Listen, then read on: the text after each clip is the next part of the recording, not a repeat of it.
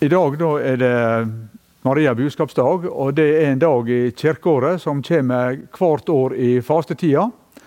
Eh, midt i fasta eller mot slutten av fasta. Og Tekstene denne dagen fra evangelia de handler alltid om Maria som ble Jesus i mor. Og det handler om at Gud ble menneske og Jesus stiger inn i vår verden. Eh, teksten i dag den står i Lukasevangeliet, kapittel 1, og skal lese fra vers 46 til 55. Da sa Maria, mi sjel høglover Herren, og mi ånd fryder seg i Gud min frelser. For han har sett til si tjenestekvinne i hennes fattigdom. Og sjå, fra nå av skal alle slekter prise meg selv. For store ting har han gjort mot meg, han den mektige, heilagt er hans navn. Fra slekt til slekt varer hans miskunn over de som mottast han. Han gjorde storverk med sin sterke arm. Han spredde de som var hovmodstanker i hjertet. Han støtte stormenn ned fra trona og løfte opp de låge. Han metta de sultne med gode gåver, men sendte de rike tomhendte fra seg. Han tok seg av Israel sin tjener og kom i hug sin miskunn, slik han lova våre fedrer Abraham og hans ett til evig tid. Og skal be sammen. Kjære Herre Jesus, takk at du møter oss i ordet ditt og taler til oss. Og Nå ber jeg om at du må tale inn i våre sine liv det du ser den enkelte av oss har bruk for. Amen. Maria hun er ei unge jente, hun som ble Jesu mor. Og jeg må si Hun imponerer meg når vi leser og hører denne lovsangen hennes. Eh, Sjøl kan jeg en del bibelvers og en del eh, salmevers også. og Det hender seg at jeg siterer av det når jeg preiker. Men i møte med Maria så kjenner jeg på det at jeg blir en lettvekter. Hun bruker få egne ord i denne lovsangen sin. Nesten alt er sitat fra Det gamle testamentet, og det viser at hun er voldsomt kjent i Guds ord. Hun kan det utenat. Og det bobler fram etter hvert som hun lovsynger og priser Herren. Her er flere elementer fra Hanna sin lovsang i 1. Samuels bok, kapittel 2. Hanna, hun som var barnløs, men etter bønn til Gud og Guds inngripen fikk lov til å være mor til profeten Samuel. Og Maria hun beveger seg på kryss og tvers i salmenes bok i Bibelen vår, att og fram. Og det er tydelig at hun er ei kvinne som lever i Guds ord, og hun lever i bønnene i Det gamle testamentet, og særlig i salmene. Og med rette har Maria blitt framstilt som ei from og gudfryktig kvinne. Sannsynligvis ikke mer enn ei 14-15-16-17 år, og likevel er hun så på innsida i Guds ord med livet sitt, og hun lever der. Hvor er Maria hen når hun bærer fram denne lovprisinga si? Hun er ikke hjemme i Nasaret, men hun er oppe i fjellbygdene i Juda på besøk hos slektningen sin, den aldrende kvinna Elisabeth. Hun reiser dit like etter at hun har hatt besøk av engelen Gabriel, han som er kommet med dette fantastiske budskapet om at Maria skal få lov til å bli mor til Guds sønn og få lov til å bære Messias inn i verden. Kapittel, samme kapittel som vi leser ifra i vers 35, så leser vi sånn. Engelen svarer, Den hellige ande skal komme over deg, og krafta fra Den høgste skal skygge over deg. Derfor skal òg barnet som blir født, være heilagt og kalles Guds sønn. Og hør, Elisabeth, slektningen din, venter en sønn, hun òg på sine gamle dager. Hun som de sa ikke kunne få barn, er alltid den sjette måneden, for ingenting er umogelig for Gud. Og med det samme Maria har fått dette budet, at hun skal få lov til å være Herrens tjenestekvinne, og har lova det, så tar hun ut på reisa til Elisabeth, som bor oppe i fjellbygdene i Juda. Og Når hun kommer dit og kommer inn i huset til Elisabeth og bærer fram hilsinga si, da skjer det noe umiddelbart. Og jeg tror at Maria, det første hun ser etter når hun kommer inn, det er, er der kul på magen til Elisabeth. Hun var spent på om det som englene hadde sagt, stemte. Og hun ser det, ja. Tegnet som hun hadde fått om at Marie, Elisabeth også skulle være gravid, Det stemte, og det var sant. Og Jeg tror det ble en bekreftelse for Maria på at Gud holdt sitt ord og kom til å holde sitt løfte også for henne. Og Når hun kommer inn i huset, så begynner Elisabeth å lovprise Gud, han også, eller nærmest profetere om Maria og den som hun bærer med seg i sitt liv. Hvordan kunne det hende meg at mor til Herren min kjem til meg? For da lyden av helsinga det nådde øret mitt, sparka barn i magen min av fryd. Ja, sæl er hun som trudde, for det Herren har sagt til henne, skal oppfyllast. Sånn talte Elisabeth profetisk. Og det igjen utløser Maria sin lovsang, som var teksten som oss las til å begynne med. Det er som en kjedereaksjon, som en rekke med dominibrikker som blir puffa på den første, og så faller den ene etter den andre. Og Maria sin lovsang det er foreløpig den siste av disse brikkene som velter. Mi sjel høglover Herren, og mi ånd fryder seg i Gud min frelser, sier Maria. Det er jo poetiske uttrykk, men jeg tror vel uttrykket med dette at det er jeg, men, det, men det, er, det, er, ikke bare mitt indre, men det hele meg, Maria, med alt hun er og har, som priser Herren og løfter hans sitt navn opp. Og hvorfor gjør hun det? Ja, for han har sett til sin tjenestekvinne i hennes fattigdom. Og sjå, fra nå av skal alle slekter prise meg selv. For store ting har han gjort mot meg. Han den mektige, heilagt er hans navn. Gud er mektig og heilag. Maria hun er fattig og lita. Men han har sett meg, sier hun. Og han har gjort store ting imot meg. Hva slags store ting? Ja, det var budskapet om at hun skulle få lov til å bli Guds mor. Få lov til å bli mor til Messias.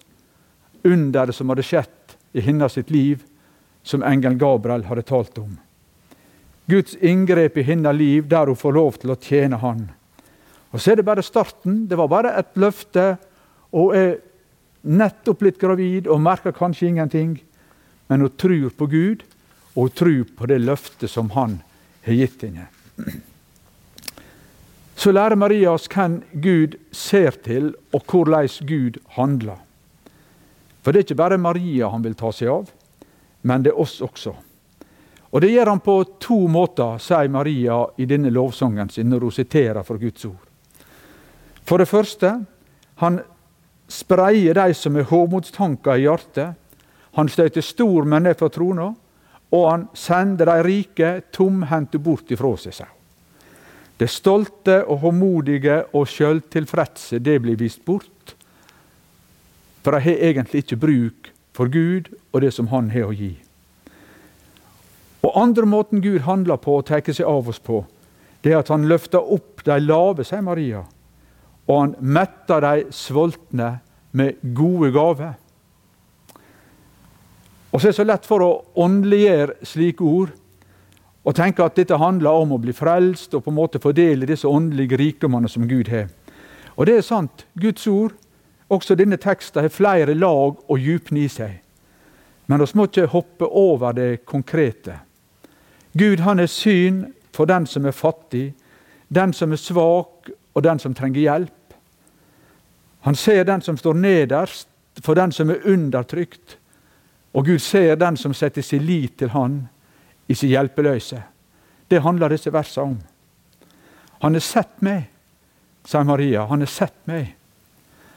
Og så vet alle sammen hvor godt det er, og hva det betyr å bli sett. Særlig da når vi kjenner oss små og ubetydelige blant mange andre, kanskje. Hvor godt at Gud ser meg da, og at han ser deg og at han ser oss for å få lov til å gjøre noe i livet vårt. Fra slekt til slekt varer hans miskunn over de som ottast han las oss. Å ottast Gud, eller å frykte Gud ehm, Hva tenker vi om et sånt uttrykk? For den som tror på Gud og setter sin lit til Han, så har ikke dette noe med angst eller redsel å gjøre. Men det er å forstå forskjellen på Han som er heilag, stor og mektig, og på oss som er svake og små. Det å ha respekt for Hans ord og ville følge det, det å gi seg inn under Han som viser sin miskunn mot oss ifra slekt til slekt. Maria hun har forstått forskjellen på seg sjøl og på Gud. Hun er fattig og lita. Gud er den mektige, og heilagt er hans navn, sier hun. Han er den som gjør stor verk med sin sterke arm. Og skal ikke lese så veldig mye i Bibelen for oss forstår at det er de som levde Gud nærmest i det tetteste fellesskapet med Han, som mest var klar over denne store forskjellen på Gud og menneske. Maria hun levde nær Gud i ordet og i bønna. Det ser oss i denne lovsangen hennes. Og hun er klar over den store avstanden og forskjellen det mellom henne og Gud. En annen i Bibelen det er Abraham. Han blir kalla for Guds venn i Guds ord. I Første Mosebok 18 der leser vi om når han skal be til Gud, så begynner han sånn. Sjå, eg har våga meg til å tale til Herren, enda eg bare er støv og oske. Du verden, han var klar over forskjellen på seg sjøl og Gud, enda han levde i et tett fellesskap med han og blir kalla for Guds venn. Det er noe skremmende med denne store avstanden og forskjellen mellom oss og Gud. Han er altså ikke til å spøke med.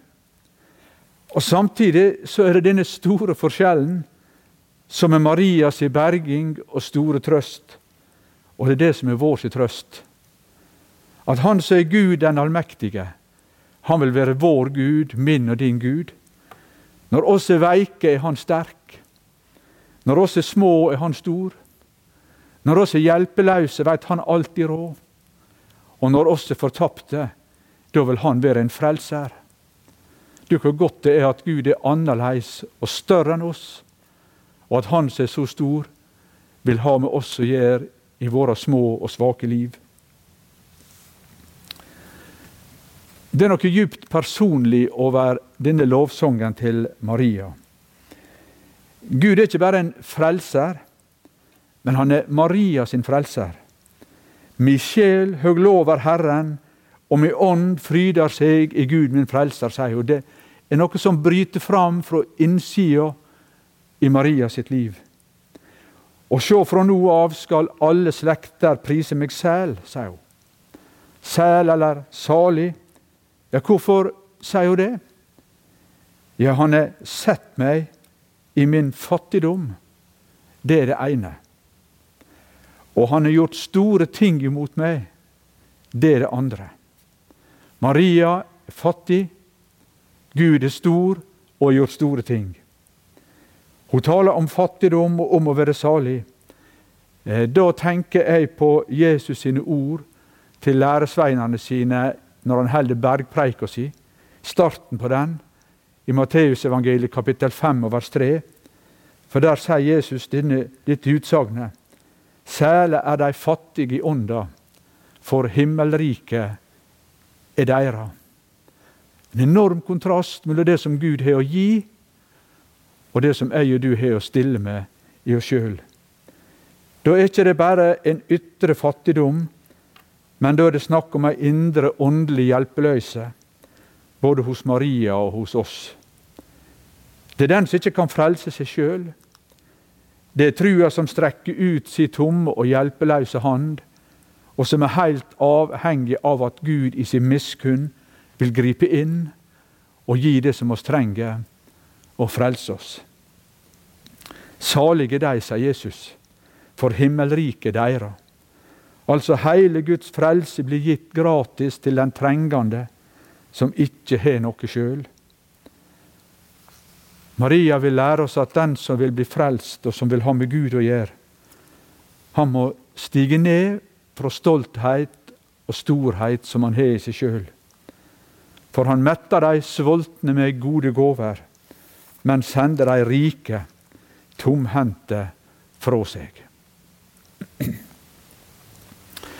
Om ni måneder da er det jul, eller sånn der omkring.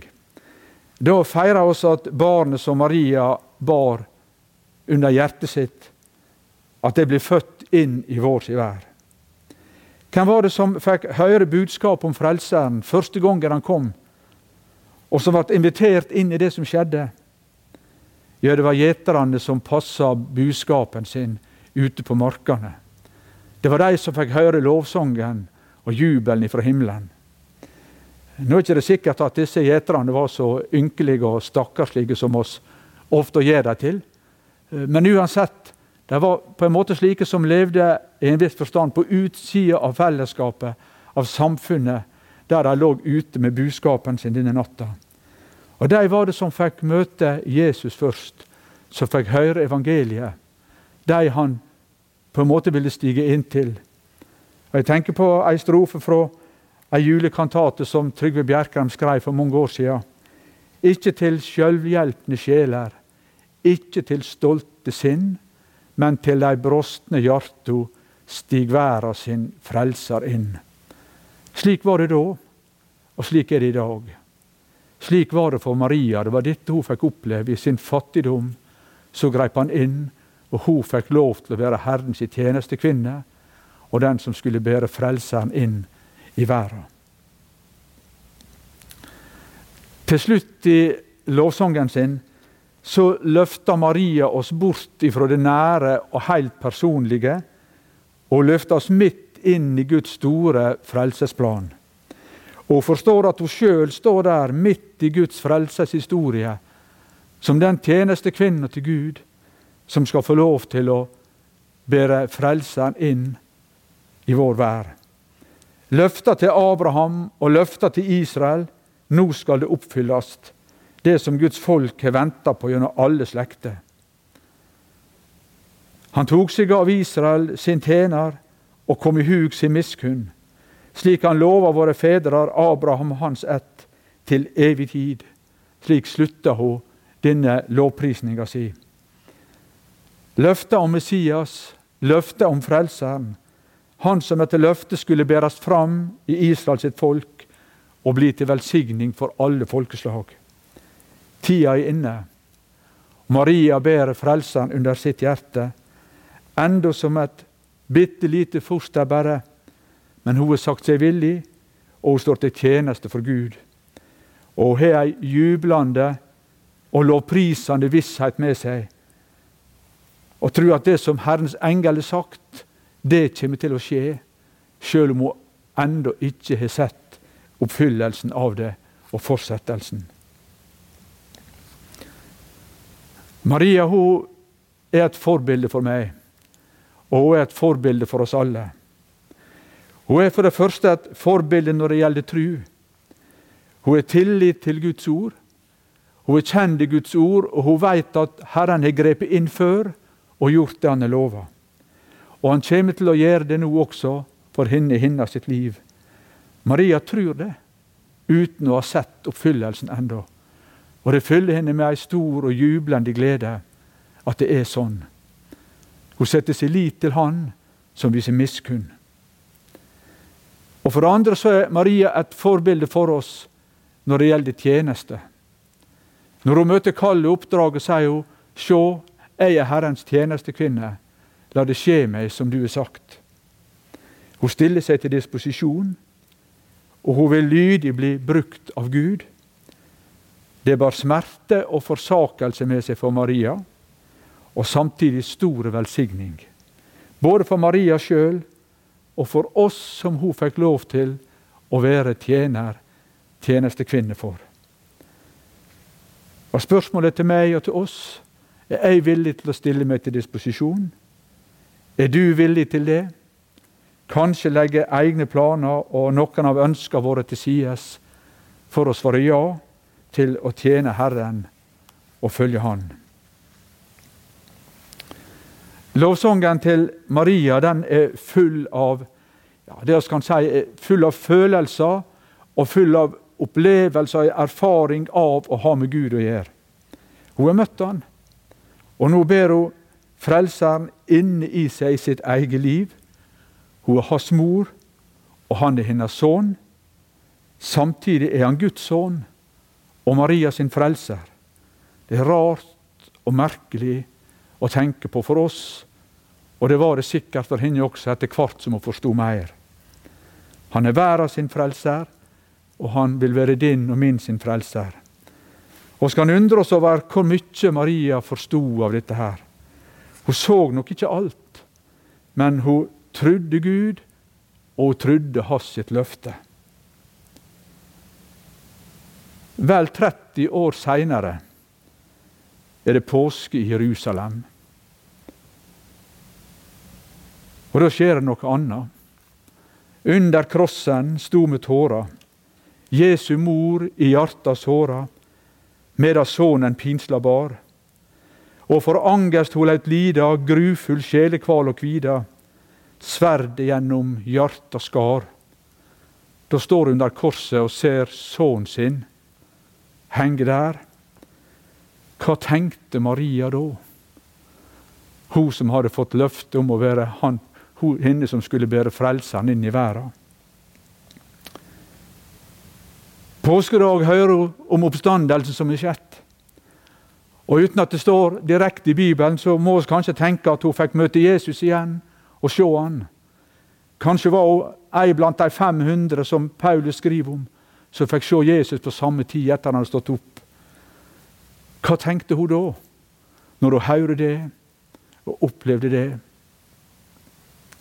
50 dager deretter igjen, på pinsedag, er Maria i flokken mellom de 120 som er samla i Jerusalem, og får oppleve pinsedagsunderet med eldtunge og sus og brus når Den hellige ande kjem og blir gitt og blir utrent. Hva tenkte Maria da? Jeg tror hun undrer seg, og jeg tror hun priser Gud.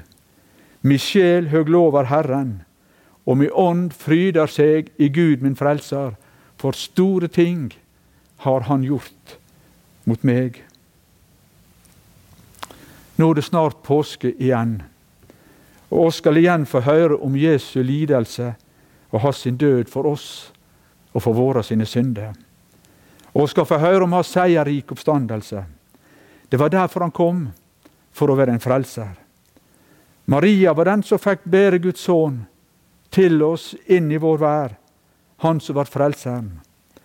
Og I lovsangen sin så bruker hun et vers fra Salme 103 og vers 17.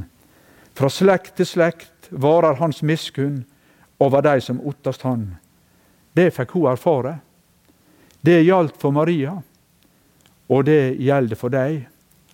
Og han er verd vår lov og pris, og han er verdt den til evig tid.